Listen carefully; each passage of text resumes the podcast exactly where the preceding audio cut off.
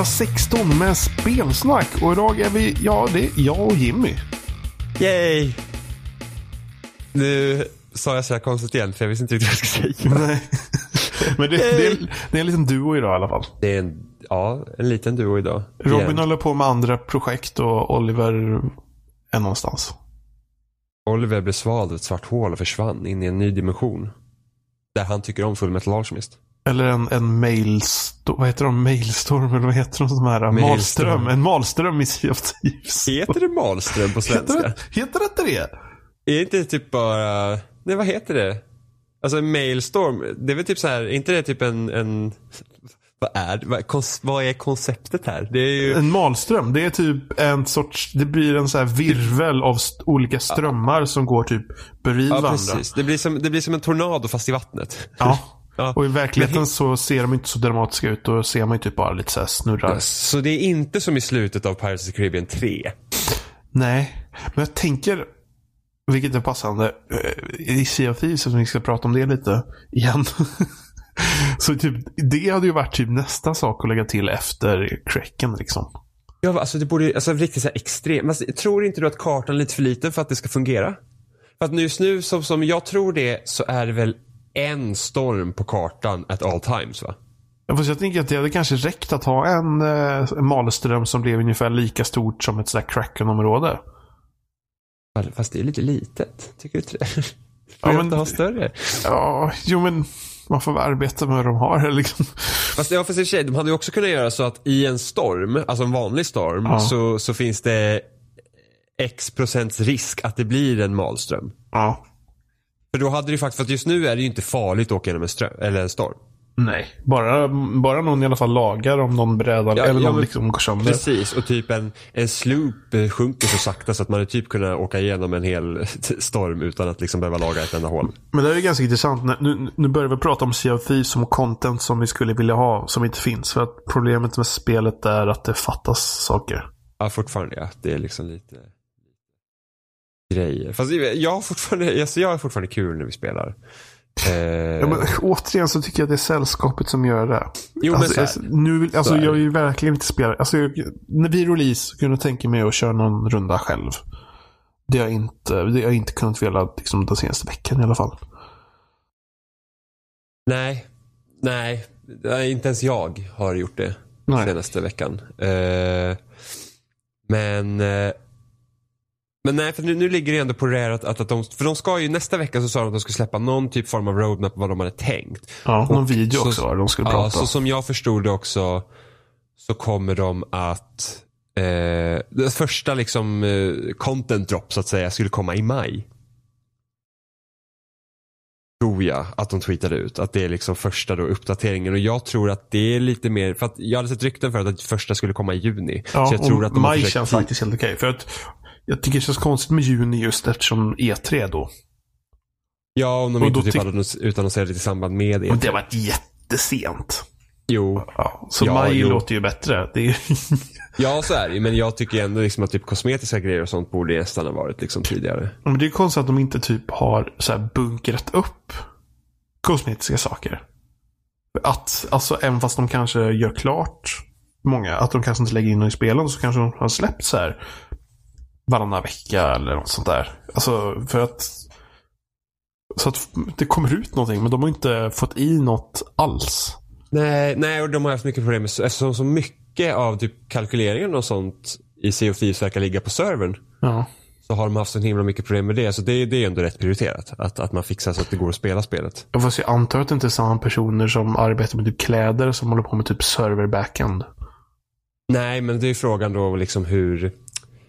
Det är frågan om mer, mer innehåll i spelet påverkar Ah. servrarna på den sättet att man kan inte lägga till någonting mer för att det finns risk att allt förstörs. För att fortfarande så går det inte att tjäna achievements ordentligt. Det känns, det känns så mycket med deras typ så här server och klientstruktur liksom är typ hur det är för, liksom vilken beräkning som ligger hos spelaren och vilken beräkning som ligger på deras servrar som är skev på något sätt. Alltså att de vill att göra någonting som är så extremt mycket mer krävande. Liksom för att det är fortfarande liksom att om vi lämnar in en massa saker och säljer det. Så när vi är typ klara och pratar lite, då är det fortfarande att den här ikonen kommer upp att en sak har blivit såld. Ja, och sen inte bara det. Igår så trodde ju servern helt plötsligt glömde bort all, vilka pengar, alltså hur mycket pengar vi hade. Ja, för dig jag, i alla fall. Ja, jag blev helt utan pengar och då kunde inte jag köpa några nya uppdrag. Så att jag fick liksom lov att kvitta spelet och hoppa in igen och då funkar det. Så att det är jättemånga så här konstiga grejer. Så att jag tror Mm. att det är så mycket som ligger på serversidan att det är liksom, de vågar inte lägga till någonting. Det, det behöver inte komma fler kalkyleringar för att de ska liksom Ja, det hade varit liksom fascinerande ska om antal kläder påverkar serverstandarden.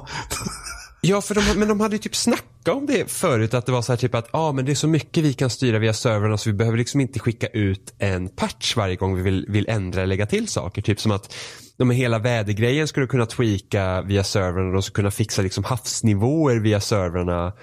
Eh, och även typ kosmetiska grejer skulle också kunna funka via servrarna. Så att jag, det är liksom det, det låter ungefär som en pitch för Microsofts molnnätverk liksom när man tänker efter. Och Flera kollar, år liksom, senare. Ja, precis. Eh, och det är ju inte konstigt att, alltså, att spelen är liksom så bundna också till en server med tanke på att det var liksom lite det som Microsoft så, hade liksom planerat för Xbox One från första början.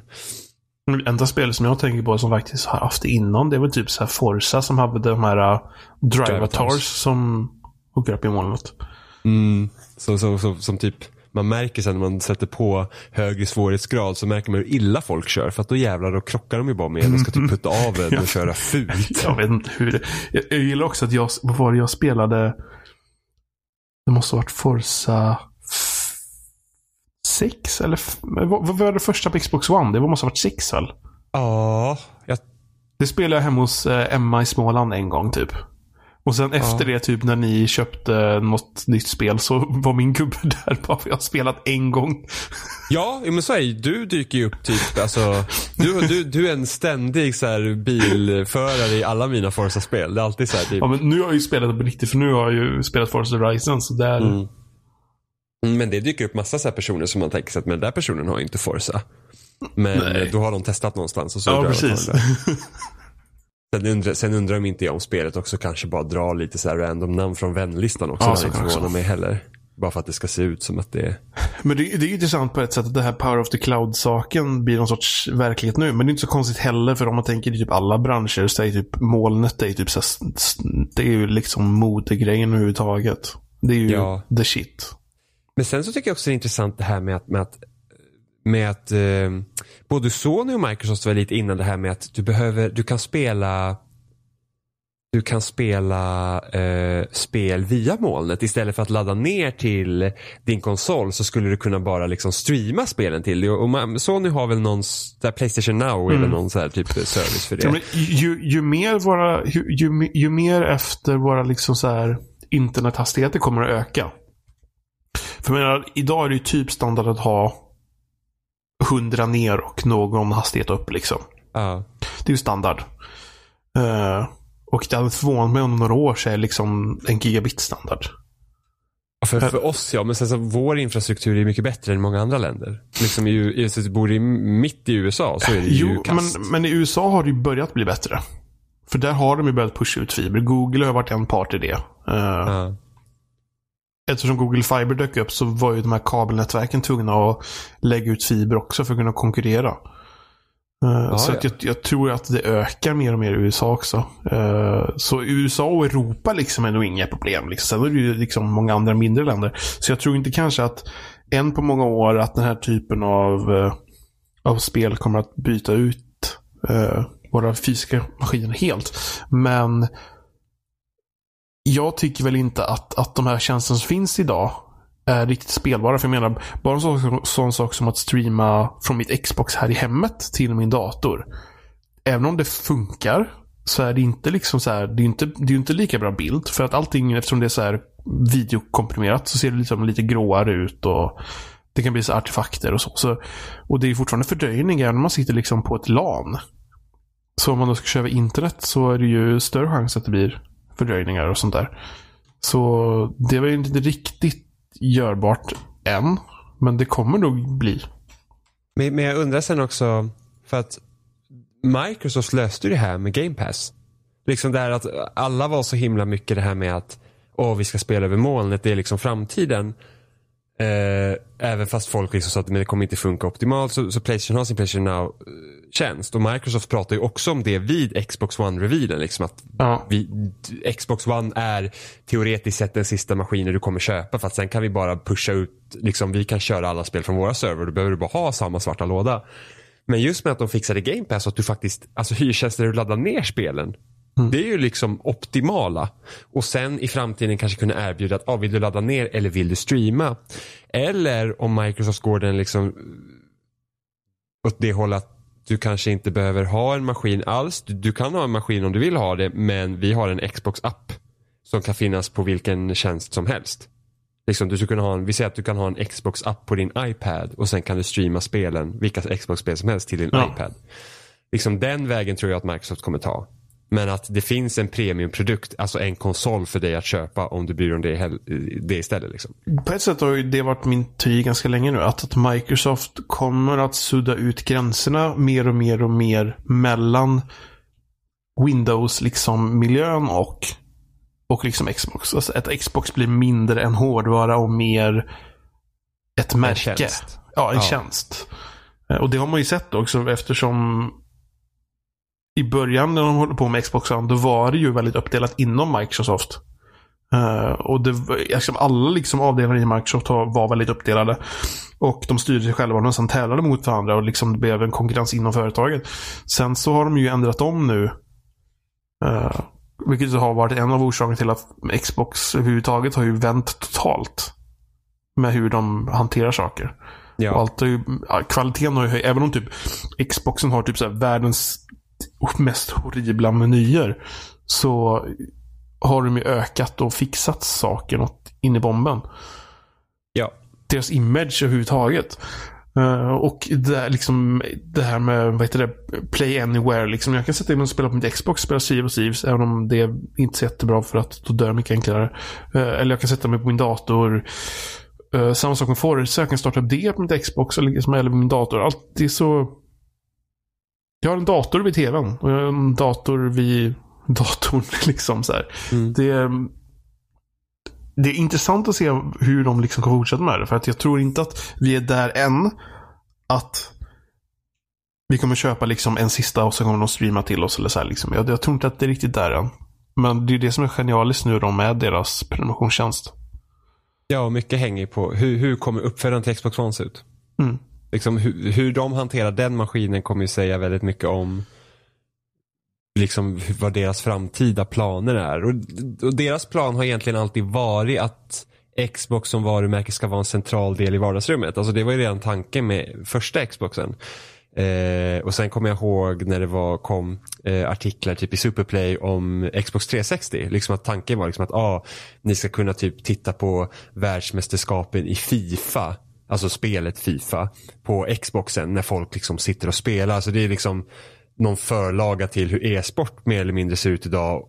Och det var liksom redan tanken med 360 och vi kom ju inte dit under den generationen och vi är ju inte där riktigt här heller. Även om typ Microsoft streamar så här Halo Championship via Mixer och sen gör typ partnerskap med Ubisoft och Rainbow Six.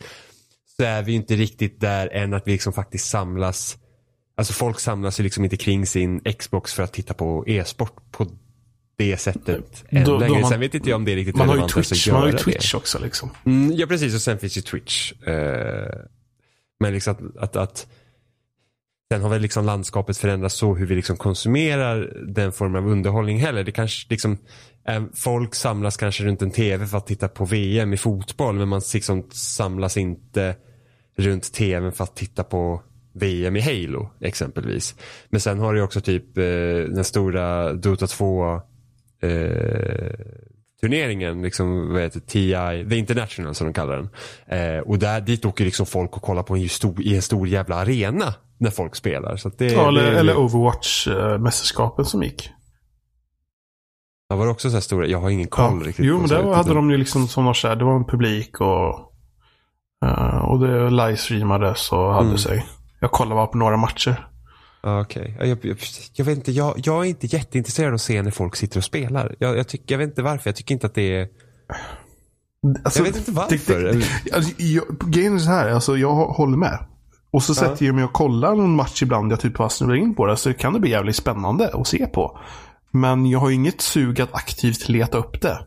Nej, Men, men, det, är det finns ju de. Det är samma som med fotboll också. Jag aktivt söker inte att kolla på fotboll. Men man skulle typ Fotboll är ju hemskt Ja, men, tråkigt. om, men, här, om jag skulle, alltså i alla fall skulle vara någon sorts eh, landslagsmatch eller någonting, skulle hamna och liksom sitta på det för att min svärfar vill kolla på det. Någonting sånt där, så att, då hade jag ju inte liksom klagat. men då- Det kan ju bli spännande. Men jag aktivt söker ju inte efter, efter det. Liksom. Nej. Men det, det kanske är så också, om man inte är någon sorts person som har aktivt sökt och kollat på sport, traditionell liksom sport, så kanske man inte heller är jättepeppad på att söka efter sig och, och kolla på e-sport heller. För att det är ju liksom mycket samma sak. Ja, och sen det, det traditionell sport har eh, som fördel då jämfört med spel och hur man, eh, hur man tittar på spel är att vanlig sport är oftast bra mycket simplare. Att förstå även för någon som inte riktigt har koll. Alltså skulle jag sätta mig och kolla på, alltså jag har inte jättestor koll på fotboll men jag ändå kunna Nej. titta på en match och förstå vad som händer. Ja. Medan säg att någons människa som typ aldrig har spelat Overwatch ska sätta sig och kolla på Overwatch. Alltså man fattar ju ingenting. Det är alldeles för många olika variabler och, och liksom Ja. karaktärer och, och Det även hur man... finns ju, alltså, jag vet när jag kollade på, jag tror det var Starcraft 2 måste det ha varit tror jag. Eh, och det finns vissa kommentatorer som är typ skitbra på det. Och att, att förklara vad någon, vad, vad liksom, den här snubben gjorde det här nu. Vad betyder det för matchen? Eh, Att de verkligen förklarar det. Eh, Så det är viktigt att det är bra kommentatorer eh, som kan förklara det. De- De får ju en mycket mer pedagogisk uppgift än i fotboll. Där de mer liksom säger vad som händer. Ja. Jo, det är sant. Och sen så, och där, där har ju också typ spel som Starcraft och spel som Dota är ju det att du ser ovanifrån. Det är mycket lättare att få en överblick på vad som händer än i ett FPS. Och, och det lägger ju också stor liksom, för att det vet jag är ju lite irriterande. Så när jag kollar på Rainbow Six, eh, jag kollar på någon match när det var de typ mästerskapen. Eh, så är det att det lägger stor press på den som faktiskt väljer, alltså den som är producent och väljer vilken kamera man ska titta på. För att Först för att försöka hitta där det kan hända intressanta grejer men sen också att när man väl sitter och tittar på någon och känner shit nu börjar det bli spännande och så byter producenten kameravinkel så man får inte se vad som hände med den man följde. Så det är jättesvårt och speciellt i ett spel som Rainbow Six där det är, du liksom är liksom i ett hus med många olika våningar. Du liksom, det är inget lätt sätt att få en överblick och nu har de de här kamera, de har ju en kamera som kan visa liksom hela huset eh, liksom mer typ som en överblicksvideo. Du kan liksom skala ner och hoppa ner olika våningarna och se och så då, då kan du se liksom alla parter som rör sig. Mm, Och det är en jättebra överblicksvy för mig som kanske förstår då liksom, okej de här rummen finns på den här kartan och, och jag vet ungefär vart de här spelarna försöker göra. Men för någon som inte vet om det så är det ju jättesvårt att följa med. För det är bara massa gubbar som går i ett hus. Och man förstår liksom inte vad betyder att den här gubben är precis under här och är den här karaktären och då har de de här möjligheterna. Då får man inte riktigt en, alltså känner man inte till det då får man inte Nej. samma spänning utan då är det bara massa gubbar i ett hus. Men såklart, alltså när jag kollade på de Overwatch-matcherna så hade jag ju faktiskt, då har jag ju faktiskt spelat Overwatch. Sen, Och då kan man gå tillbaka till innan jag spelade Overwatch och typ några i klassen typ så här visade en replay på någon, någon så här cool sak som hände. Liksom att det var åh, han dödar han här så här. Det var helt galet typ så här. Men jag, man fattar inte ett skit. Nej. När man inte har spelat det liksom. Eh, och sen är det ju det också att det är så många spel som som finns och är så stora. Du har, eh, du har Dota, du har Overwatch, du har Rainbow Six då tydligen, du har Halo, du har Fifa är ju tydligen en grej också. Och det- det är väldigt mycket att hålla koll på om du ska liksom typ så här gilla att kolla på e-sport. För jag menar, ofta är det ju väldigt koncentrerat under en period. Att det är liksom en stor tävling, eller stor mästerskap. Och sen är det puff helt tyst. Det är inte som att det är flera olika ligor på ett spel. Nej. Utan Nej. eh, som, som går liksom konstant under året. Så här, liksom. man, kan, man kan kolla på världsmästerskapen, man kan kolla på den här ligan i det här landet, man kan kolla på svenska mästerskapen. Eller ska man liksom, utan det är verkligen liksom, här är en stor mästerskap som är under en väldigt kort tid. Så om man gillar Ja. ett spel så är det ju inte mycket att kolla på precis. Nej, och sen så är det också så här att sen, spel är ju är liksom iterativt. Så det är inte nog med att de ändrar reglerna. Alltså Dota kommer ju liksom nya till exempel där kommer ju nya uppdateringar hela tiden. Eller med Mm. jämna mellanrum. eh, Som ändrar spelet och ändrar liksom metaspelet i spelen. Så att fotboll ändrar inte regler. Och skulle det ske någon regeländring i fotboll då skulle det vara en jättestor grej. Eh, men det är liksom, fotboll ändrar inte reglerna efter varje säsong eller efter varje Nej. halvår. Utan fotboll är fotboll. Om, om, jag nu, om det nu sker regeländringar och jag har fel nu så får ju någon säga det. Men Ja, alltså men då är det, för, då är det förmodligen så här. små, liksom, ja, det, det är något Det som är, inte ingen, som- ändrar. det, det är ingen som ändrar definitionen av ett mål. Nej, men precis, precis så är det ju. Eh, jag vet inte vart jag ska komma med det här nu. men det är konsensus, det är lättare Ja. att hålla koll på sport än, Ja. än e-sport. Liksom. Vi pratar väl om, om, om mediakonsumtion på Xboxet. Var det väl när Ja. vi började tror jag. Ja, jo, precis. Fightingspel är ju något som alla kan säkert eh, tycka om att titta på. För att det, det är liksom, det är ganska enkelt koncept. Vi har två stycken som ska slå skit ur varandra, det kan vara kul att titta på. Alltså jag kan Liksom. tänka mig att det blir tråkigt, att det blir för Jo, platt. kanske. Om, om man inte sätter sig in i det, ja. Visst. Det, så kan det vara. Och sen måste ju i och för sig, sen ska det ju, också, för, för en oinvigd ska det se flashigt ut. Som typ eh, eh, Marvel vs Capcom 3 är ju skitnice att titta på. För att det är liksom, man behöver inte förstå vad som händer. För det, det, är liksom, det flyger lasrar hit och dit och det bara händer massa grejer. Samma det här Dragon Ball Fighters som kom nu i våras. Det är också skitkul att titta på. För att det är Mm. liksom det ser snyggt ut liksom. Det är inte som att två stycken står till och stirrar på varandra och inget händer. Utan det är liksom Det är flashiga animationer och det, det händer mycket helt enkelt. Är det. Ja. Eh, Det var, jag vet inte vad det var. Det var en diskussion om Thieves som slutade i, i, i en diskussion om e-sport mot vanlig sport. Ja. Men du har Ja. spelat ett spel va?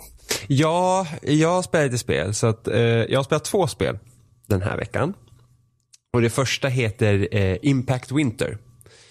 Eh, och det är typ ett överlevnadsspel i samma stil som Don't Starve och kanske typ Flame, The Flame in the Flood. Så att man liksom, det, det går ut på att man ska överleva, eh, samla på sig resurser och sånt.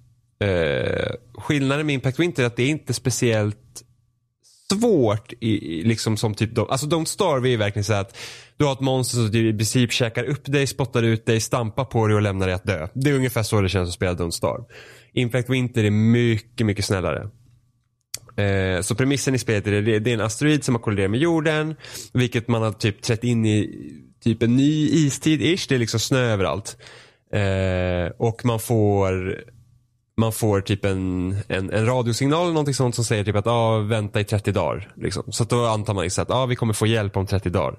Och då är man med då i en grupp människor. Tänk typ eh, State of Decay. Ish, liknande. Där, där var det, du spelar ju som en person där och sen så hade du, så var det liksom överlevare som bodde med dig. Och samma är det typ här. Att du, du, du spelar som en person och sen har du fyra andra i, liksom i din grupp. Eh, som, som, som du liksom ska ta hand om då och också hjälpa till att överleva. Och varje människa i den här gruppen då, de, de har liksom egna typ abilities. Så att, så att eh, en kan hjälpa, alltså de, de craftar grejer helt enkelt. Det kan inte du göra utan du behöver deras hjälp att göra det. Så att en typ kan laga mat, en en kan liksom fixa vapen och sånt som gör att man kan fånga in djur. Eh, en eh, fixar uppgraderingar till en liten robot som du har med dig och en typ kan fixa eh, liksom den bas ni har och kan liksom förstärka den basen. Och sen, men det är liksom din uppgift mer eller mindre då att, att gå ut i världen och samla på dig resurser. Mat, vatten, eh, material för uppgraderingarna och så. Eh, och skillnad liksom, som det här spelet gör och mot andra, de andra liksom överlevnadsspelen är ju det att det finns ingen permadeath. Alltså du permanent dör inte i spelet om du får game over utan du börjar bara från nästa checkpoint. Om du inte kör i expert mode på spelet, vilket jag inte har testat för att ja, jag känner liksom att det, det är för stressigt för mig. Men, det, liksom, men om man tänker då Don't Star, liksom där är helt en grejen att det är så svårt. Så det är liksom typ det spelet är på något sätt ja, precis. Det, Så då handlar det om liksom den överlevnaden. Om det inte är så att det är den svårighetsgraden, liksom att det handlar om det, det här. Och vad är det då spelet ger dig för andra saker? Alltså det här spelet, det är ju mer eller mindre så att, åh, är du intresserad av de här överlevnadssystemen som finns i de här spelen men du vill inte hålla på och spela i flera, flera timmar bara för att du ska sen typ göra ett misstag, dö och så måste du börja om. Mm. Det är väl det jag tror att det här spelet liksom har som sin största styrka. Att du kan fortfarande liksom spela det som en överlevnadssimulator men riskerna är inte lika höga. Eh, så att det är liksom och spelet, alltså, och typ de här sen Don't Starve, de spelen är ofta svåra i början. Det är liksom så att du kanske överlever en, två dygn och sen är du död för att du gjorde någonting som du inte visste om. Här är spelet mycket lättare i början. För att när du ska liksom ge dig ut och leta efter de här resurserna och sånt, så att i början så är ju ingenting liksom lutat och så runt omkring utan ja, de närmsta husen har massa liksom mat och vatten och sånt som du kan bära tillbaks dig eh, till eh, till din bas då. Och eftersom du spelet liksom utspelar sig då på 30 dagar. Du har liksom 30 dagar på dig innan du får hjälp. Så att ju längre tiden går, ju längre ut i världen måste du liksom söka dig för att få de här resurserna. Och sen när du själv liksom bestämmer dig för att okej, okay, men nu ska jag jobba för den här uppgraderingen, då måste du också samsas med det samtidigt som du då tar med resurser eh, i spelet. Och sen går du typ upp i level och så, så då, kan, då låser du upp typ nya sådana roller som du kan liksom ge till dina medhjälpare då. Eh, så att de själva också kan börja typ ge sig ut i världen och typ leta efter mat och sånt så att de liksom bidrar. De gör inte väldigt mycket men, men liksom viss en del. Och sen har varje roll då har liksom en så plusgrej som den liksom gör bättre. Och sen har den då en negativ sida så att typ att ja, eh, den här personen eh, ska vara så att den liksom lägger på ved på elden som man har i sin bas då, så att det är varmt hela tiden. Men då, då är det minus att den här personen blir tröttare fortare eller någonting sånt kan mm. det vara. Eh, Eh, och när, och var, varje av de här personerna har också uppdrag till sig. Typ, spelet kallar dem liksom så här storyuppdrag. Eh, även om det inte är någon story till dem. Det finns liksom de här karaktärerna. Du lär inte känna dem på något sätt. De är bara liksom där. Det är liksom av systemmässiga skäl finns de där. Eh, och då har de då sådana här storyuppdrag som man liksom får följa Ja det är ju inget ens en story man följer utan det är bara så att jag vill bygga det här, nu behöver jag de här grejerna. Så då får man liksom, det är ett sätt för, för spelet liksom att putta det, att ge dig någon form av riktning mer än att överleva, vilket inte är jättesvårt. Uh, så att jag liksom slutförde liksom en, ett uppdrag i en hel liksom questlinje då idag. Liksom. Så, som har liksom tagit mig till olika delar av världen och så att man liksom får se och upptäcka. Uh, det och genom att klara de här uppdragen så kan man liksom, då kan man boosta signalen så att, så att, så att hjälp kan komma tidigare. Så att, så att mm. inte nog med att man jobbar för att liksom levela upp sin egen karaktär så man kan låsa upp flera roller. Vilket egentligen inte behövs. Eh, så kan man också skala bort tiden då så att man får hjälp snabbare. Och sen när man har klarat spelet då får man liksom en, en betygsrankning. Så att, så att mycket av spelet är ju också så att ja, vill du spela det igen så ska du göra det bättre. Liksom, så att du ska få snabbare hjälp vilket gör att du får ett bättre betyg. Men det är okay. bara att en spelsession är ju inte bara några få timmar utan jag, jag är nästan i slutet och har spelat sju, åtta timmar. Oj. Så att det är ju liksom en lång resa liksom för, så att jag har ju liksom inget behov av sen att spela det här igen. För att det, det, är inte som Don't Star liksom att man, hur länge kan jag klara mig? Utan det är verkligen så att okej okay, hur snabbt kan jag gå igenom de här 30 dagarna då som man kan göra kortare. Men just med att spelet är liksom på den lättare sidan så de här olika systemen och idéerna de har med så här, karaktärerna ska liksom olika roller, man får, ge, man får själv ransonera ut maten till dem. Annars går de typ i, i förråden och så äter de alldeles för mycket själva till exempel så att, så att maten går åt snabbare. Eh, hålls inte moralen uppe så börjar de bråka med varandra. Liksom alla de här idéerna finns i spelet. Jag har inte tagit del av alla dem för att spelet är så pass enkelt för mig. Mm. Alltså jag har inte haft något problem att liksom delegera ut vad, liksom, vad behöver jag fokusera på. Okej nu börjar mitt matförråd liksom bli lite längre så att nu satsar jag bara på att samla in mat eller nu satsar jag bara på att få i vatten. Eh, det är liksom inte så det har aldrig varit något problem för mig. Mina karaktärer börjar inte bråka från allting. Alla är glada hela tiden för att jag har inte haft något problem med det. Eh, även så här typ att jag, jag har typ gjort några uppgraderingar till min bas. Så här typ att ah, men jag kan gå och hacka is utanför, bära tillbaka till min bas, fylla vattenflaskor så att vattenproblemet är löst. Eh, och sen så kan man uppgradera det ytterligare, typ att om man, liksom basen samlar in vatten själv när det snöar och sådana grejer. För att sen kan man fylla på vattenflaskorna. Alltså det är ju såhär, okej, okay, det gör saker och ting något lättare, men det är heller inte nödvändigt eftersom andelen vatten jag har fått från den här maskinen är inte tillräckligt hög av vad det jag hittat själv. Så att, så att även de uppgraderingar jag får i basen, det gör det inte så mycket lättare att det liksom känns att det är nödvändigt. Så spelet har massa system, det bara använder dem inte tillräckligt väl. Eller har inte tunat dem till att vara liksom utmanande på det sättet, alltså för mig nu, så att de liksom känns att de behövs. Eh, liksom även så här karaktärerna som är med mig, de kan också dö om man sköter sig riktigt illa.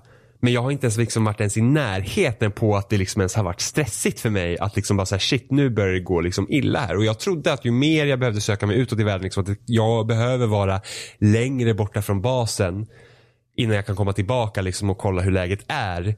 Så har jag ändå liksom, allt har liksom klarat sig bra ändå. Liksom min, karaktär, alltså, min egen karaktär som jag styr har ens aldrig varit nära på att dö. Jag fick typ köldskador en gång och det var liksom jättelätt fixat. Eh, så, så att det blir spelet vill typ måla upp att det finns liksom en risk i att du gör de här sakerna.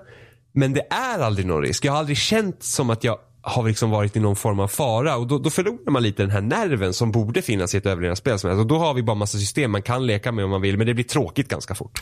Vet, det är det jag menar lite. Att om det inte handlar om den här svårighetsgraden så vill man ju ha alltså, något mer. Alltså att Mm. Det kanske är mer story, det är ja. liksom mer karaktär. Liksom att det är mer om karaktärerna istället. Att det är någonting ja. sånt som kommer och byter ut. Annars ja. blir det ju bara ett lätt spel. Eller, eller liksom, ja, typ. precis. Det är, liksom, det är lite typ en sandlåda med väldigt lite leksaker. Mm. Känns det som. typ som Sea of Thieves. uh, nej men det, så det, det är lite synd för att annars jag gillar den visuella stilen på spelet väldigt mycket. För du, du, liksom, du styr ju en karaktär så det är liksom i tredje person men du har liksom typ en, eh, det är som en lite fågelperspektiv. Med låsta kameravinklar och så. Uh, så man springer liksom, och världen är ju helt öppen. Jag kan liksom gå och titta vad jag vill och sen så typ och, och, eftersom det är typ någon form av ny istid nu så är liksom snön är så pass högt uppe liksom, så att man ser ofta bara hustak. Så man får liksom krypa in genom typ vinden och sen så kommer man liksom ner i huset. Som att basen som man har är i en kyrka. Så du kryper ut ur kyrktornet för att kyrktornet är på marknivå. Eh, så sådana visuella liksom roliga grejer. Och sen typ, ja men man kröp eh, liksom det har liksom skapats nya så här grottsystem av snön och så. Så då, då liksom när du kryper ner i en grotta då, då är du liksom på gatnivå och liksom så här olika kvarter som man liksom får undersöka. Eh, så, så att det visuella i spelet, alltså världen i sig är ju väldigt tilltalande. Liksom, att det, och man ser liksom att man hittar liksom kroppar, liksom folk som har frysit ihjäl och sådana grejer. Så det är en ganska ödesdiger värld. Men, men liksom, jag känner ju aldrig faran. Men samtidigt så tycker jag inte att det är helt, alltså det hade varit enkelt för dem nästan typ att placera in så här, typ NPCer som skjuter på dig. För att du, det finns, du kan hitta skjutvapen i spelet men du har liksom inga fiender i världen. Det är liksom inte som att den här typiska postapokalyptiska grejen där liksom att ah, nu har vi banditer som, som utnyttjar det fullt ut och så springer de efter och skjuter på dig att det skulle vara någon form av fara. Utan det, den enda liksom fienden som jag hittar som är typ farlig är en varg. Och då har jag liksom inte ens blivit så pass skadad av en varg att det liksom har varit farligt för mig. Men liksom så att, så att jag kan ändå jag kan ändå utforska världen i min egen takt utan att känna liksom att, åh nej, jag kanske träffar på en fiende som skadar mig. Utan då är ju risken i att jag är borta länge från min bas, mat, vatten och värme liksom teoretiskt sett ska gå åt då. Men jag har heller aldrig känt, och känt att jag har varit stressad och behöver komma tillbaka för att något illa ska ha hänt. Jag antar att expert mode här är säkert betydligt värre jag skulle kunna tänka mig då att resurser och sånt går snabbare och liksom då, är ju, då finns det permadeath. Så att då dör du så dör du. Men jag har ju själv aldrig dött hittills. Så att, eh... Men vill man ha, okej, okay. alltså, du är typ sju timmar in i spelet nu då sa du? Ja, och jag, jag har väl typ, tänk jag har några haft, få dagar kvar. Tänk att du har haft permadeath liksom... på då så att du dog sex timmar in. Ja, det hade, ja, det hade varit skitjobbigt. Uh... Det, finns, det finns ingen mening med permadeath då. Eller va? varför ska de vilja ha det? Det är liksom som att ja, plåga det, det sig själv. Det, det är ju om man gör att allt, alltså permadeath, det, det är ju om man sätter till liksom att allt annat också är svårare. Liksom att det är lite mer sparsamt med eh, resurser. Och liksom att du kanske blir för att du kan bli, ditt läger kan bli raidat men det är liksom inte som att det är fysiska karaktärer som springer dit och när du är borta så kommer det upp en skärm. Bara, någon besökte ditt eh, liksom, läger och snodde de här grejerna och en av ditt crew har blivit skadat. Liksom. Det kanske händer lite oftare. Alltså, problemet är det att de har ju någon form av typ halvstory det här med att du ska klara dig i 30 dagar.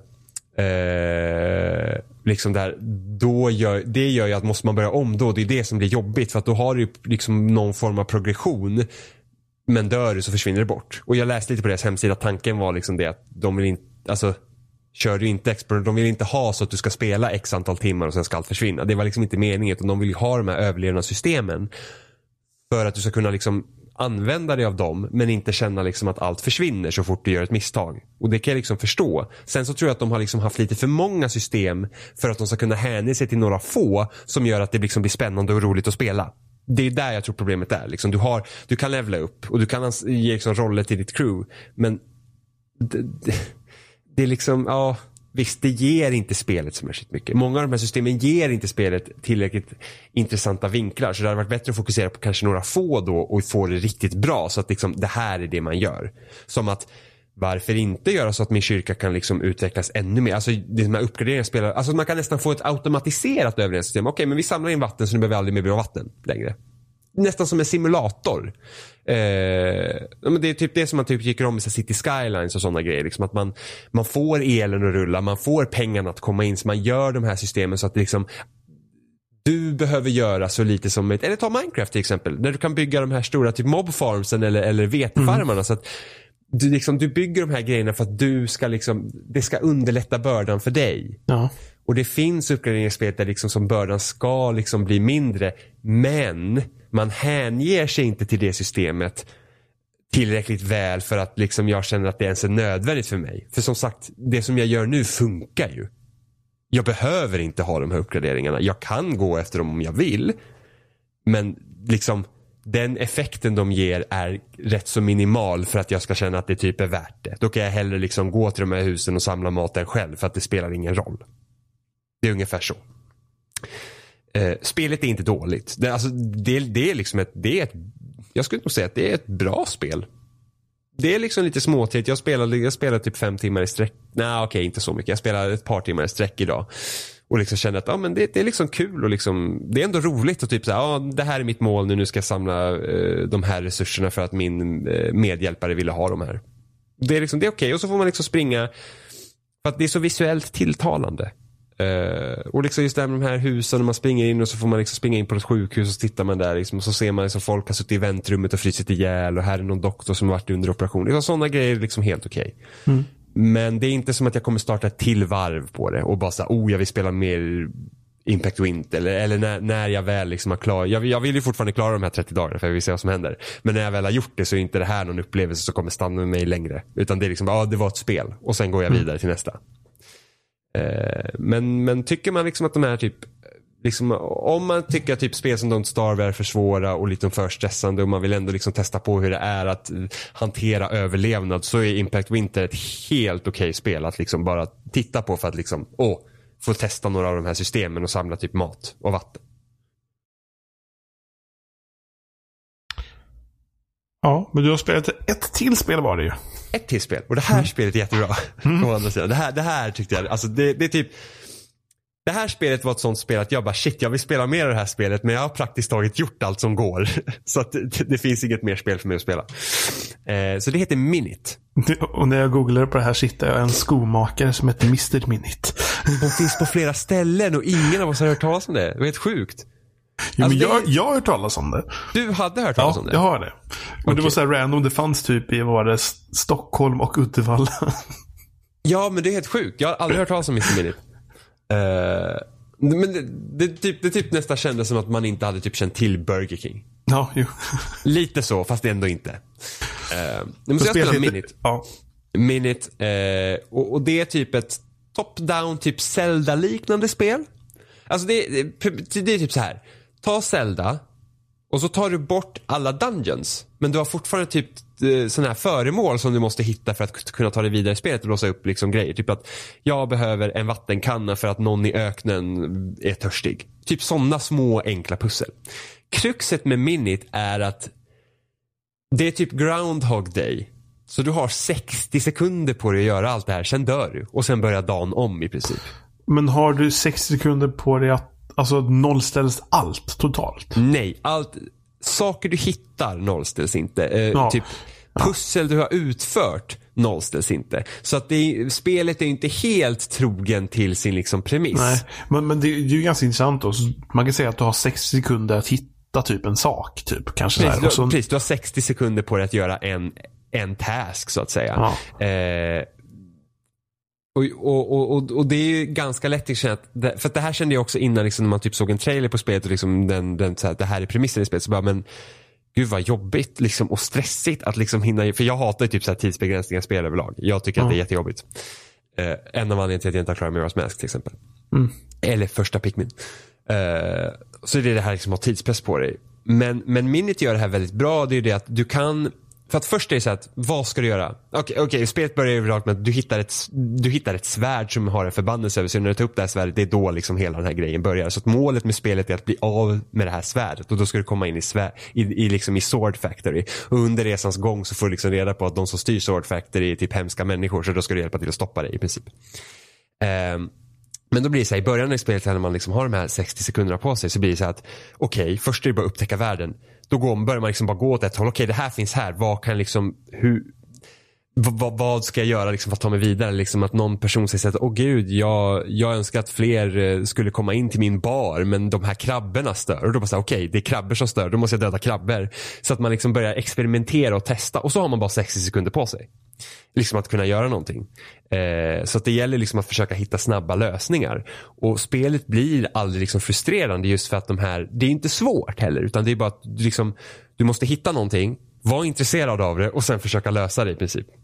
Eh, så så att spelet blir aldrig frustrerande svårt för att det går så pass fort hela tiden. Det är liksom inte som att du har fem minuter på dig att göra någonting, sen dör du och sen måste du göra om de här fem minuterna. Utan det är, liksom, det är 60 sekunder. Och så dör man och så börjar man om och så gör man olika saker. Eh, och så liksom så håller man på så. Det liksom gäller hela tiden att försöka hitta de här snabba lösningarna till spelet. Eh, och jag tycker om det väldigt mycket. Det är liksom så här, jag känner liksom att jag satt uppe till halv tre på natten och körde liksom igenom spelet i ett streck. För att jag var så här, jag måste bara liksom veta vad som, vad som händer. Liksom. Eh, och försöka då lösa de här små pusslerna. Eh, dock tycker jag att det är väl inte en hel fullträff för att, det är liksom så att jag känner liksom att den här tidsaspekten är mer som en gimmick oftast. Istället för att faktiskt basera pusslerna på att du har de här 60 sekunderna på dig. Eh, det är ungefär som att det är ungefär som typ Portal skulle ha varit ett vanligt pusselspel men portalerna gör det bara lite lättare för dig att lösa pusslerna snarare mm. än att pusslerna baseras runt de här portalerna. Och minit så är liksom de här pusslerna baseras inte runt på att du har 60 sekunder. Det gör bara så att du måste vara lite snabbare när du gör saker. Helt enkelt. Eller att, och det här, och det här är det värsta för mig. För att jag har jättedåligt lokalsinne. Och, och, och för minit så är det så att du måste man hålla, du måste ha en ganska bra kartkännedom.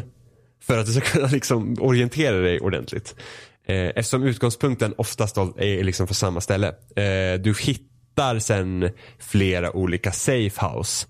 Eh, som gör att du liksom kan flytta då din typ bas of operation. För att liksom ta det vidare. Så att du börjar liksom i ditt hus och sen kan du hitta liksom en husvagn som är liksom ett annat område. Så börjar du därifrån när tiden börjar om. Eller, eller ett hotell. Får du ett rum i ett hotell då kan du börja om därifrån. Så att, och sen till slut hittar du också en sån portal så du kan teleportera dig till dina olika safehouse. och sen ifall du behöver liksom eh, vara på ett annat ställe just nu för att lösa ett pussel någon annanstans.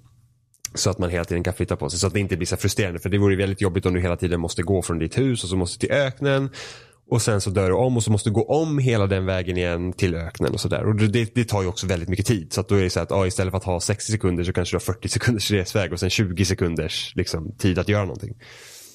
Um, och, så, och sen så när du, under tid när du liksom hittar flera föremål så kan du ta vissa shortcuts och sådana där grejer för att komma liksom vidare. Så det är väldigt mycket liksom Zelda på det sättet. Eller typ Pokémon, typ när du hittar katt så kan du liksom ta dig vidare vissa grejer. Mm. Och samma här, liksom ditt svärd får nya förmågor. Så liksom, nu kan du hugga ner stubbar så då kan du liksom ta de här vägarna. Och då hittar du också nya delar av kartan som också är nya pussel och så.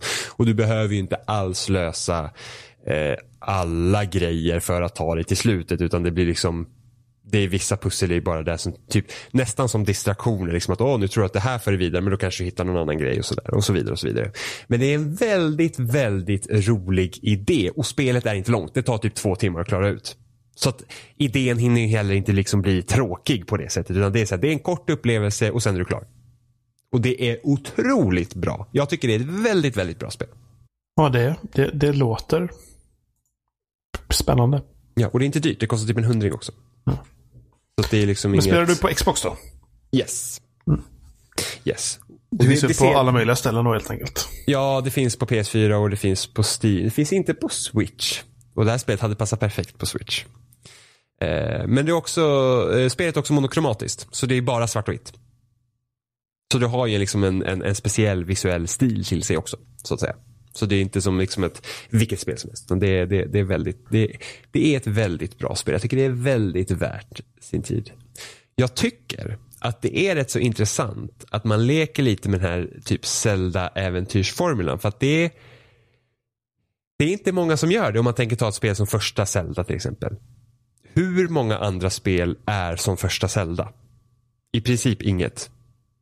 Liksom det, det, är inte, det är inte som att andra stora typ, eh, så här, utgivare hade liksom försökt leka med den typen av spel ens när Zelda var nytt. Utan på sin grad har man fått något som liknar mer som typ Zelda 2. Som typ eh, Wonderboy och Mega Man är liksom mer variationer av typ Zelda blandat med Mario snarare än att du har liksom en, över, liksom en, en, en, kart, en överblickskarta som man rör sig på. Mm. Eh, det närmsta är ju egentligen Pokémon. Eh, till viss del kan ju typ RPG, typ som Chrono Trigger och Final Fantasy vara på den delen men då har man ju också så här, liksom fighterna är liksom annorlunda. Du slåss ju inte ute i världen oftast utan du slåss ju, det är liksom med någon skärm och så slåss så har man omgångsbaserade strider. Chrono Trigger kanske närmast där. Men liksom även typ spel som Castlevania spelas ju också liksom sidskrollande. Men så har vi ju sådär, Minit är ett spel som typ tar Zelda-formulan och så gör man en liten egen spin på det. Liksom, nu i modern tappning. Och sen förra året så kom ett spel till Switch som heter Kamiko. Som är också typ en sån här Zelda, liksom första Zelda-liknande spel. Men också i ett kortare format. Så Kamiko tog en timme att klara ut. Och då hade du liksom så fyra olika världar. Och sen så fick man eh, och så fick man liksom, så var det liksom några pussel liksom i den världen tills man klarade och så gick man vidare. Eh, och sen har vi då, eh, och vad heter det nu då? Det spelet kom för några år sedan. Som var typ ett boss, alltså det var bara bossar på det. Det var typ Shadow of the Colossus fast i 2D-format. Som också var mer mm. typ som Zelda-liknande spel. Nu kommer jag inte ihåg vad det heter. Typ någonting Souls. Titan Souls hette det. Okay. Eh, och sen, eh, vad har vi mer? Hyperlight Drifter var också mer liknande, typ Zelda. Men liksom det, det det finns inte många sådana olika spel. Och sen så Hyperlight Drifter är mer som ett typ ett Zelda. Men då har de det här Minit och sen typ det här Kamiko. Det är typ så här, ja men vad, vi tar en del av Zelda och sen så gör vi ett kort spel om det. Eh, så det är väldigt trevligt. Men Minit är jätte, jättebra så det borde alla spela, tycker jag. Och det var allt jag hade spelat under veckan. Förutom typ Sea of Thieves som vi pratade om lite i början. Och så får vi se jag, jag, tror, jag, tror, jag tror, hade vi ens pratat om det förutom att det typ fattas saker? Jag tror det var bara det vi sa. Ja, har, vi haft, har vi haft någon mer upplevelse? Liksom, vi har tagit Filefort typ. Ja, precis. Vi har liksom, ja men nu vi är typ, vi är på den nivån där vi typ försöker fuska systemet för att gå upp högre level. Som igår när vi skulle göra den här merchant questen och vi typ bara spamma quest och vi kunde få massa chicken coos och sen ja. hämta kycklingar i, i drivor liksom.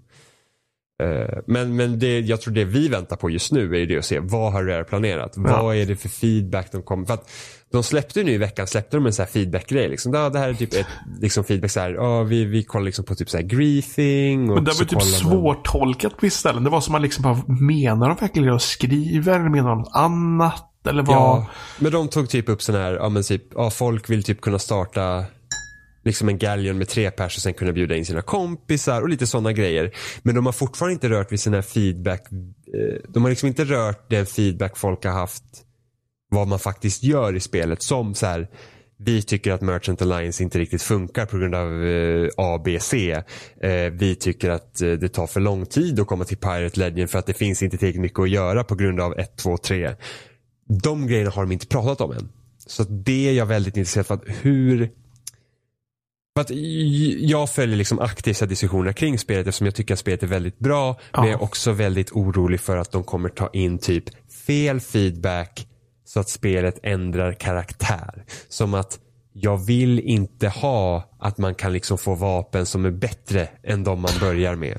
Men jag tycker, jag, vill... väl, jag tycker väl redan, alltså om man läser de här så låter det, det verkar typ som att man kanske kommer kunna spela fler personer på någon båtform. Ja, och det är till exempel Sloopen som är den båten som är för en eller två spelare. Ja.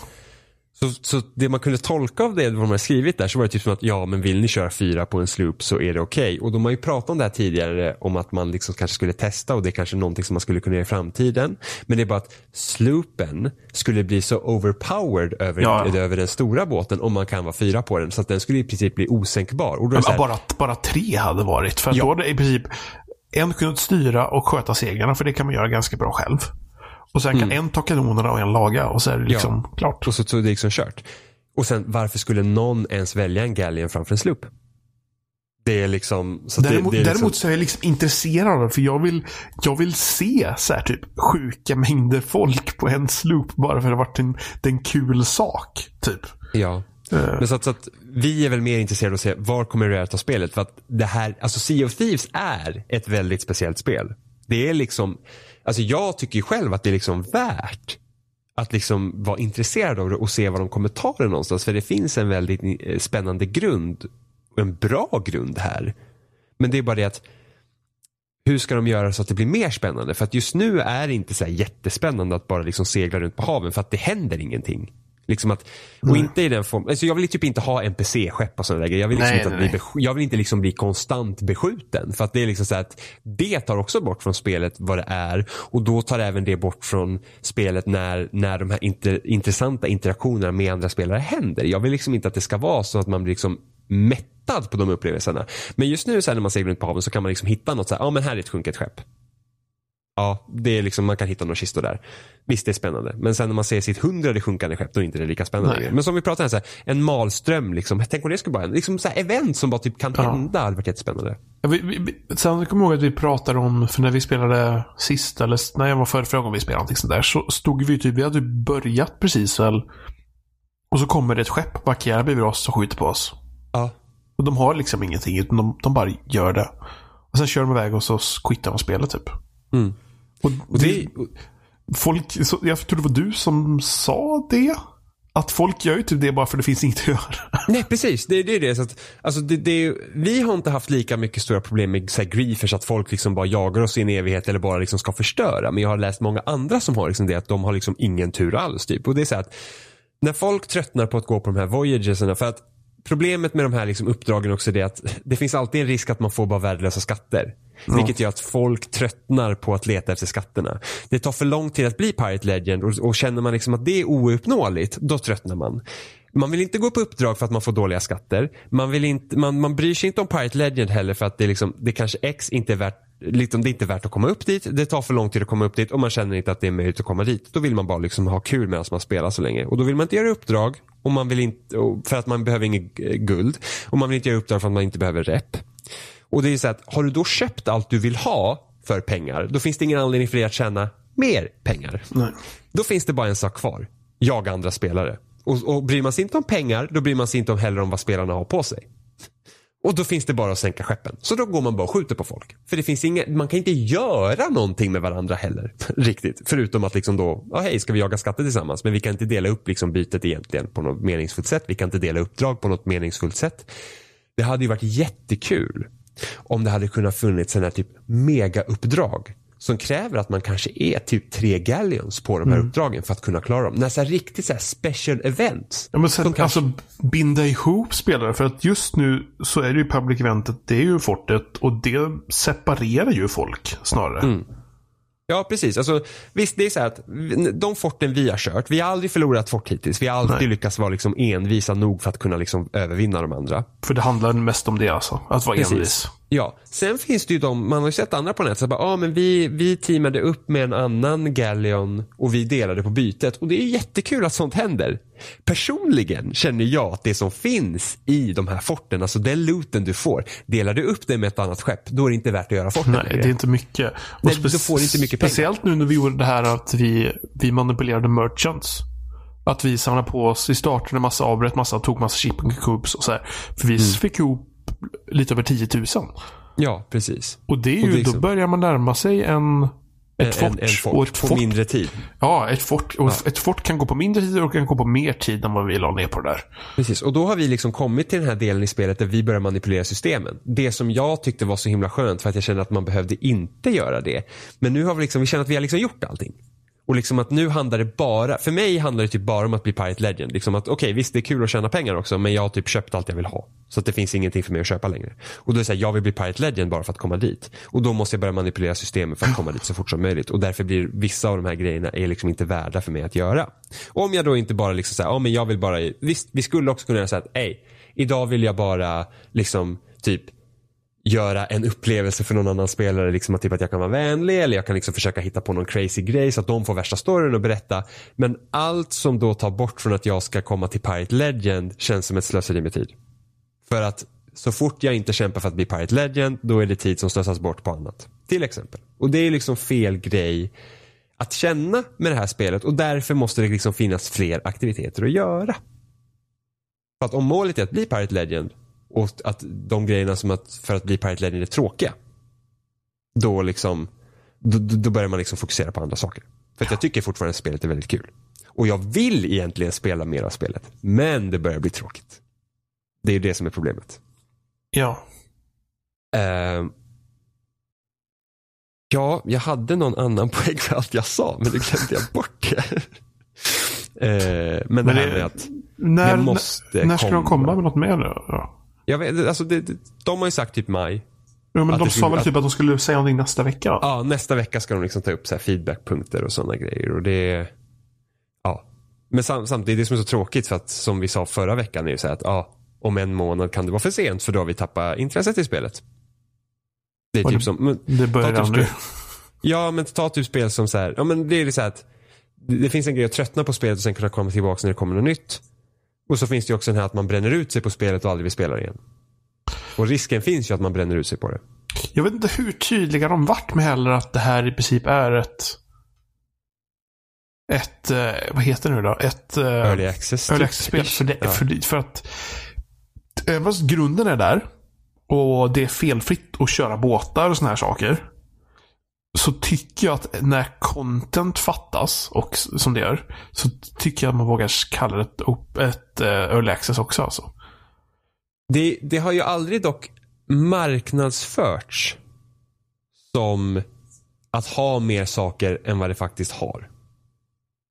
Det, måste, det, liksom, det, är inte, det är inte en No Man's Sky situation där nej, de, nej, de pratar nej. om multiplayer och man kunde se varandra och man skulle typ hitta trade routes och man skulle typ spela som man ville. Ja. Att och vill du inte utforska så kan du liksom bara vara en så här köphandlare men, som åker men från mellan olika stationer. Det jag menar är att, att de har sagt liksom, visst de har sagt att det här kommer finnas i spelet. Och så fanns det i spelet. Och det finns ju mer i spelet egentligen vad de har sagt för att liksom för att jag vet inte när de måste, eller de kanske har sagt hela tiden att de ska vinna spelet. Ja, i vilket fall som helst bara för att de har sagt det så inser man ju att spelet är ju inte tillräckligt.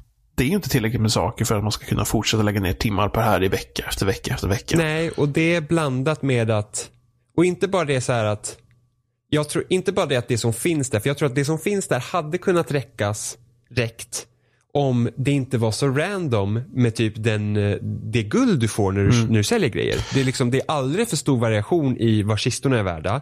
Det är alldeles för stor variation i vilka kistor du... Alltså för att ibland kan det vara så att du kan behöva åka till en ö och så kan det vara jättekomplicerad gåta som liksom tar tid att lösa. Och sen är det den sämsta kistan. Det är ja. inte värt. Så, så det fattas content och spelet är typ inte tillräckligt speltestat. För bara, så, bara en sån sak, det har jag sagt flera gånger när vi spelat. Hur i hela friden har Merchant Quests kunnat speltestas och sen hamna i slutspelet? Ja. För att det är inte logiskt. Nej, det makes no sense någon, med resten no, av spelet. Någon borde ha spelat det och sagt att det här är inte kul. Och Jag vet inte om vi har förklarat Merchant Questen nu ifall det är någon som inte, alltså varför det inte är logiskt med Merchant Questen. För att för de två andra fraktionerna som finns i spelet, det är Gold Hoarders och är Order of Souls. Mm. Den ena, den första är att där är skattjakterna, man letar efter kister, man får en karta med ett kryss på, eller flera kartor. Ja, eller så, så, får man en gåta och så åker man och så grämmer ja, skatt. Så du får ju en ö du ska åka till. Och så mm. åker du dit och gör det. Och, sen ja, åker och när man har grävt upp alla kister, då är liksom den, det uppdraget är avklarat och ja. man kan lägga ett nytt uppdrag. För Order of Souls så får man liksom typ bounties, alltså det är typ bossar du ska åka och döda. Och när bossarna är döda och du har samlat dem, då är den voyagen kvar. Ja, så det och det är också liksom bara, här är en ö, och ja. dit och gör en sak. Problemet med merchants, och det här liksom, för du kan bara ha en, liksom ett uppdrag igång åt gången. Och det här är ju det som då blir problemet med merchants. Det är det att, ett, du får ett uppdrag. Och det kan vara typ så här, ah, hitta två vita kycklingar, en svart kyckling och en svart orm typ. Det kan vara ett uppdrag. Och då har du, och då har du så här, då, då får du först då måste du först till en outpost, eller om du står vid outposten redan, så måste du samla på dig de burarna du ska fånga djuren i och så får du lägga dem på din båt. Sen måste du hitta en ö som har då kycklingar och ormar. Och då måste du också hitta en ö som har just de specifika färgen på kycklingar och ormar. Det är inte jättesvårt att hitta, men det tar Nej. tid. Men alltså När du kan ju komma till en ö. Det finns hönor där. Men det fattas en av färgerna. Precis, och då måste du antingen får du åka fram och tillbaka till ön då så att den triggas igen eller hitta en annan ö. Och varje ö har inte kycklingar och lite sådant. Så det, det är liksom ett problem, så att redan det tar tid. Du har också, sen det här uppdraget, då, du har bara på dig till ett visst datum och klockslag att klara det här på. Och du måste till en specifik outpost. Och uppdraget blir inte klarat förrän du faktiskt har åkt in med de här djuren på, liksom, till den outposten. Så att du kan aldrig ha fler uppdrag på samtidigt. Så du kan till exempel inte ha en Gold Hoarders uppdrag och ett Merchant uppdrag på samtidigt. Så att du liksom, medan vi letar skattkister letar vi också efter djuren. Som gör att man liksom kan ha flera saker samtidigt i rullning. Och det här blir så extra uppenbart för att du kan hitta upp så uppdrag i i flaskpost. Och hittar du en merchant-uppdrag i en flaskpost då är det genast inte lika jobbigt för att det kan pågå samtidigt. Och sen, sen har du det också, det som jag upptäckte när jag spelade Final-betan är ju det att om du förlorar dina burar får du inte nya. Nej, och du kan inte köpa burar. Så till exempel mm. hittar, man, hittar man även så här flaskpost med att de vill ha en kyckling, då måste du också hitta en kycklingbur. Alltså, så det är så konstigt. Någon, alltså, någon måste ju ha speltestare det här. De måste ju ha interna speltestare. Ja. Det, det, det, borde de ju haft. Och så, sen får de eh, diskutera det här eller fylla i ett formulär efteråt eller någonting sånt där. Och jag förstår inte hur någon kan se något positivt av det här överhuvudtaget. Men då är också frågan så här att, det, ett, det kanske har varit värre. Två, för att jag tror så här att när du, oftast är det så här att till exempel guldkycklingen är den mest värda kycklingen i spelet ja. till exempel. Men ofta så spanar, när det spanar kycklingar på en ö så spanas det också, oftast spanar det i alla fall en av varje färg. Ja. Alltså det är inte svårare att hitta en guldkyckling än en vit kyckling till exempel. Förmodligen har det varit bra mycket svårare att hitta en guldkyckling tidigare. Men det ja, har varit så, en, så kanske, ännu så kanske, värre då att försöka hitta en. Så kanske tiderna har varit kortare när du ska ja. leverera. För det Precis. är ganska lång tid. Ja, och sen och, och då har de säkert liksom fixat, alltså förmodligen har de inte haft tid på sig att fixa hela fraktionen. Nej. Jag tror att de är mycket väl medvetna om att det är lite trasigt. Men förmodligen har det varit mycket värre och sen har de inte haft tid på att faktiskt göra om allt. Men det måste finnas i spelet för att hade man tagit bort hela Merchant Alliance då har du bara Gold Hoarders och Lost Souls. Mm. Ännu mindre grejer att göra. Och inte bara det, då har du bara två fraktioner upp till Pirate Legend och de har säkert alltid räknat med att det ska vara tre stycken att komma upp till Pirate Legend. Men det jag tycker att är viktigt nu är att de säger det. Vi, alltså, vi har insett att det här är liksom, det här är ett problem. Det här delen av spelet. Mm. Så ni måste fixa det. Om de är tysta och inte fixar det. Eller om de är tysta och typ fixar det. Och ändå, jag tycker inte det är acceptabelt. Jag tycker att de borde säga det. det är, liksom, jag tycker att Säg att det är dåligt, för inse ja. det nu. Men, men jag tror att de hittills har de varit väldigt öppna med liksom hur spelet fungerar. Jag tror att de har varit lite försiktiga med att liksom prata om den här feedback, alltså gameplay-feedbacken de har fått på den här nivån. För att jag tror de internt redan måste tänka, okej okay, vad kan vi göra, vad vill vi göra, vad är planen? Mm. Alltså istället för att liksom säga saker snabbt så är det så att okej, okay, vi måste också veta vad faktiskt vi vill göra och vad vår plan är och vad vi tänker för spelets framtid. Men de har varit väldigt snabba med att liksom poängtera all annan feedback, sånt som de vet liksom om att de kan fixa. Som att, spa, liksom så här med att båtarna spanar för nära, det kan vi fixa och det är inte så svårt för oss att fixa och det förstör inte spelet så mycket. För att nu när de har ändrat spanen på, för att det var det problemet med Fortin att det ofta blir liksom en stalemate för att du spanar, all, alltså sänkte du ett skepp så spanar det så pass nära att, att de var liksom i luven på det på en gång. Nu har vi kört några fort med, fort med det nya spansystemet och det är mycket bättre för du har faktiskt tid att arbeta på fortet innan de kommer igen. Så att sådana enkla grejer så har de har varit väldigt kommunikativa med de sakerna snabbt. Så att jag hoppas ju att de är, är lika bra med, med, med den här liksom, vad ska säga, innehållsfeedbacken ja. som de har med. Och det tror jag att de kommer vara. För att de, det är därför, för att de har pratat nu att ja, men vi kommer liksom adressera det men de måste själv veta också vad de ska göra med det istället för att säga att för annars kommer man med det här standardsvaret. Vi har hört vad ni sagt, vi ska titta på det. Nu tror jag faktiskt att de har en idé med att okej, okay, ni har sagt det här, vi tänker så här.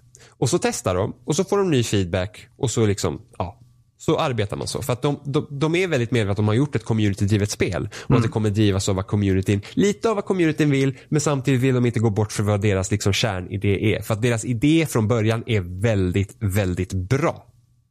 Tycker jag. Alltså det är ju, det, det kommer bli spännande att se hur de sköter det. Ja. Och liksom, ja, nej. Jag, jag tycker att mycket, mycket hänger på vad de säger nästa vecka. Ja, ja precis. Liksom att, att, att om de kan, vara, om de kan liksom visa tillräckligt mycket spännande saker vad de har tänkt så kan det också hålla vårt intresse att faktiskt komma tillbaka till spelet ja. då och då. Just för att är vi borta från spelet en månad, det kommer inte vara pirater som är bättre än oss. Nej. Men det kan finnas nya saker för oss att upptäcka som gör att det är roligt för oss att spela spelet. För det är en sak. För att No Man's Sky, ett spel som jag faktiskt tycker om. Och, jag, och det är också ett väldigt spel som är unikt på lite samma sätt som Sea of Thieves är unikt. Även om liksom vi har sett de här spelmässiga sakerna. Men liksom att hela pirattemat för Sea of Thieves och hur man spelar det är unikt. Men sakerna man gör i det kanske inte är så unikt. Och samma med No Man's Sky, liksom sättet hur det är uppbyggt är också väldigt unikt det här med att utforska universum och så. Problemet med No Man's Sky är att det är lite för avancerat i sin gameplay för att jag bara ska kunna hoppa in i det och testa de nya sakerna som finns utan att jag måste lära mig om sakerna igen.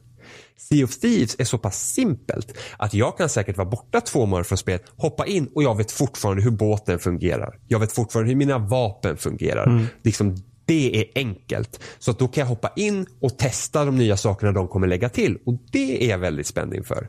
Men då måste de också hålla vårt intresse uppe att vi faktiskt vill hoppa tillbaka. Liksom att okej okay, det här kommer komma. Wow, det där vill jag se sen när det kommer. Och då kan man hoppa in i det igen. Istället för att jag måste lära om mig i spelet. Att det, det är jobbigt att hoppa in i det. Det tror jag är största liksom, hindret mot spelet i så fall. Att det, det någon gång skulle bli jobbigt. Att det blir för avancerat för att man inte ska kunna vara borta några månader och sen komma tillbaka och hoppa in igen.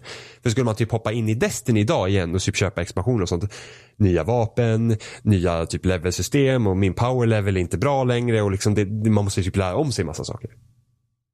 För det är typ liksom, när jag och Oliver hoppade igen in i Overwatch, då var vi båda väldigt förvånade över hur enkelt det var att komma tillbaka till det. Liksom, jag kunde fortfarande gå tillbaka till rollen som Sarja, en karaktär jag känner väldigt väl. Och liksom bara så här, komma in i the groove igen för att sen liksom testa de nya karaktärerna. Det tog inte mm. lång tid alls. Medans hoppar jag in i Halo till exempel igen, Halo 5 multiplayer. Det är så hög tröskel. Alltså jag behöver inte lära mig om spelet. Men jag är inte alls lika vass och alert i det som jag var när jag slutade. Och det är en mycket högre tröskel att komma in i det spelet igen. Och Sea of Thieves kommer förmodligen inte ha den tröskeln utan det kommer, man kommer bara hoppa in i spelet och sen är man inne i det. Och det är skönt. Men som sagt, mycket hänger då på att det de kommer visa upp, det de tänker med spelet mm. är intressant nog för oss att fortsätta i så fall. Nu blir det väldigt mycket Sea of Thieves i alla fall. Ja, men... nästa vecka så kanske vi inte pratar lika mycket om Sea of Thieves. Nej, jag, jag, fast det kommer vi att göra om det är en uppdatering. Intressant. Ja, om de släpper en uppdatering. Eller om det. Ja, det får man se. Ja, vi kommer ju säkert spela lite mer Sea of Thieves till nästa ja. vecka ändå. Men, men eh, vi kommer kanske inte prata 20 minuter Sea of Thieves. Om man säger Nej. så. Nej, men alltså, jag vet inte. Det är ett så omrörande spel på något Alltså liksom för att det är det är typ som ett MMO fast ändå inte. Och det, det är så... Och när det är bra så är det så bra. Ja. Det är ju det. Det är det som är synd. För när det är väldigt bra så är det väldigt bra. Men liksom det skulle kunna vara så mycket bättre. Ja, det, och det är så unikt. Det är unikt liksom på det sättet. Det har en unik nisch till sig som gör att det också bidrar till att man tycker att det är bra. Men som sagt, jag har fortfarande liksom lagt, alltså, jag, med min recension på loading, det står ju fast. Liksom. Det är, allt det jag skrev stämmer. Stämmer fortfarande. Eh, och att det är, liksom, det är ett bra spel. Det är inget fantastiskt spel, men det skulle kunna vara. Skulle kunna vara.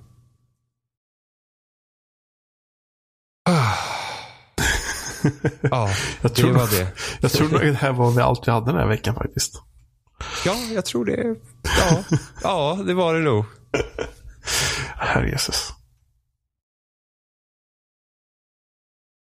Vi, vi finns som vanligt på spelsnack.com.